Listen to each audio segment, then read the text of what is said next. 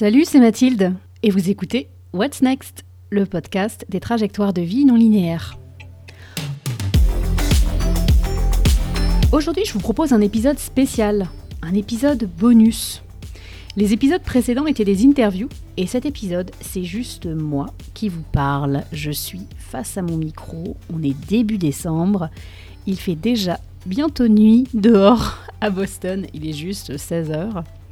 Et vous, vous m'écoutez euh, peut-être en marchant dans la rue, vous êtes peut-être en voiture ou chez vous en train de faire un puzzle, vous faites la vaisselle, du rangement, la cuisine. Bref, vous avez ma voix dans vos oreilles et ça me fait tout bizarre de me dire que vous m'accordez votre temps. Je vais essayer d'en faire bon usage. Je fais cet épisode spécial pour donner envie aux personnes qui m'ont dit euh, Ah ouais, j'ai vu que tu avais lancé un podcast, mais je ne l'ai pas encore écouté.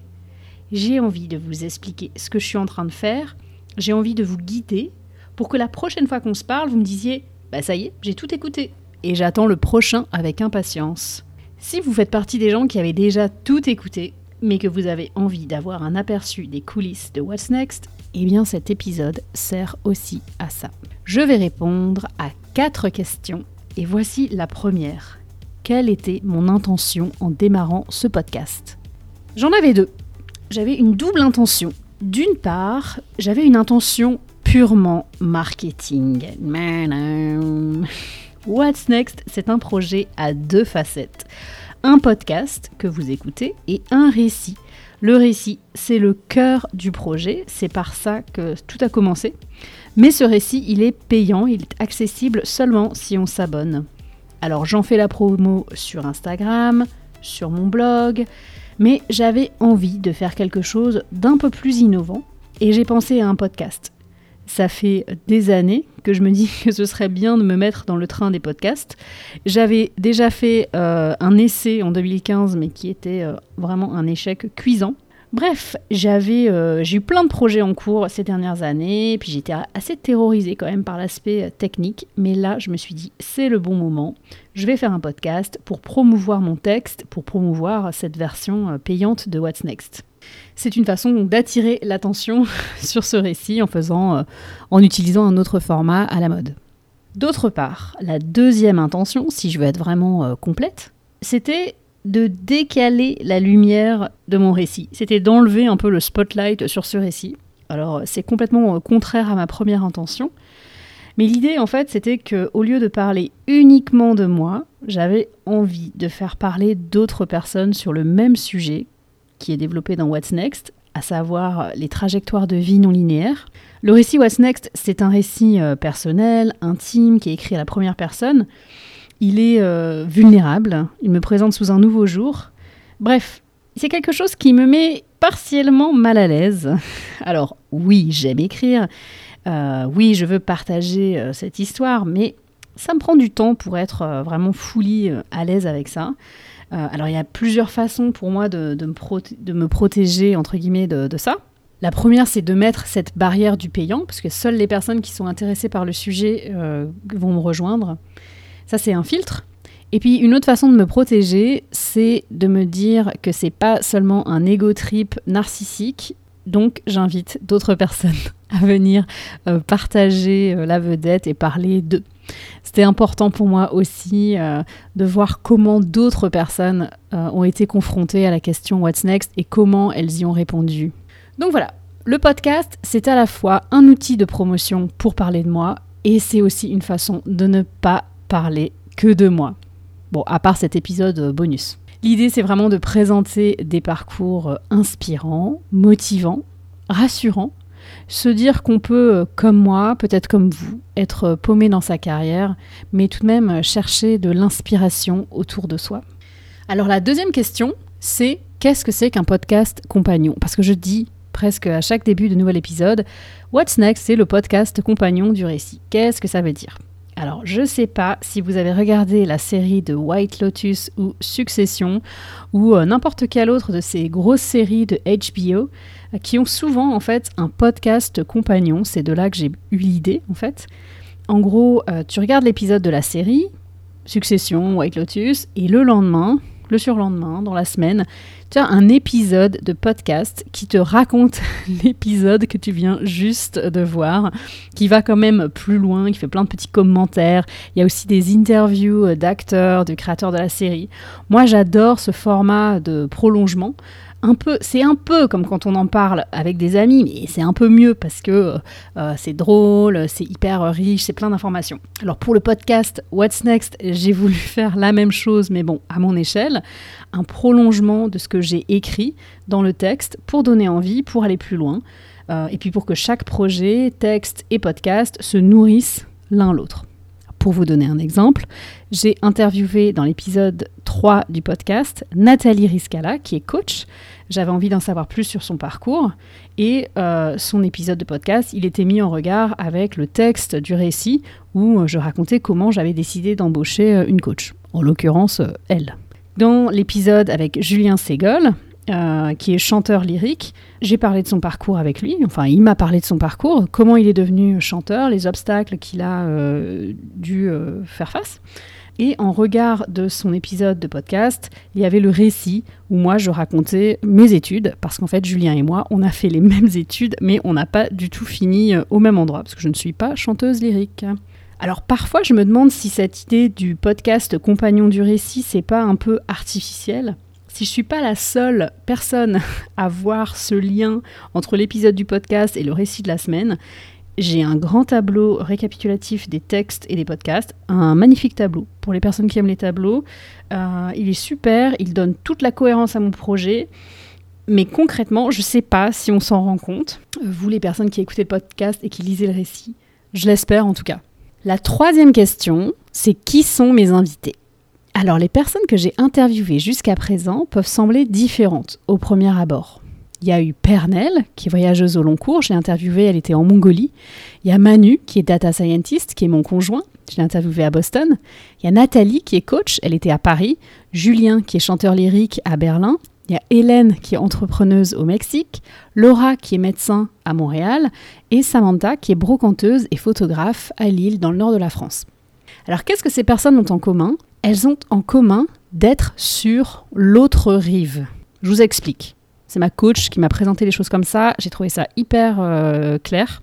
Les personnes interviewées dans le podcast sont sur la rive des gens qui font ce qu'elles aiment. C'est des gens passionnés par leur métier. Moi, je suis au milieu. Je suis dans l'eau. Et je voudrais bien les rejoindre sur la rive, bien au chaud, bien au sec, et en train euh, d'adorer mon métier.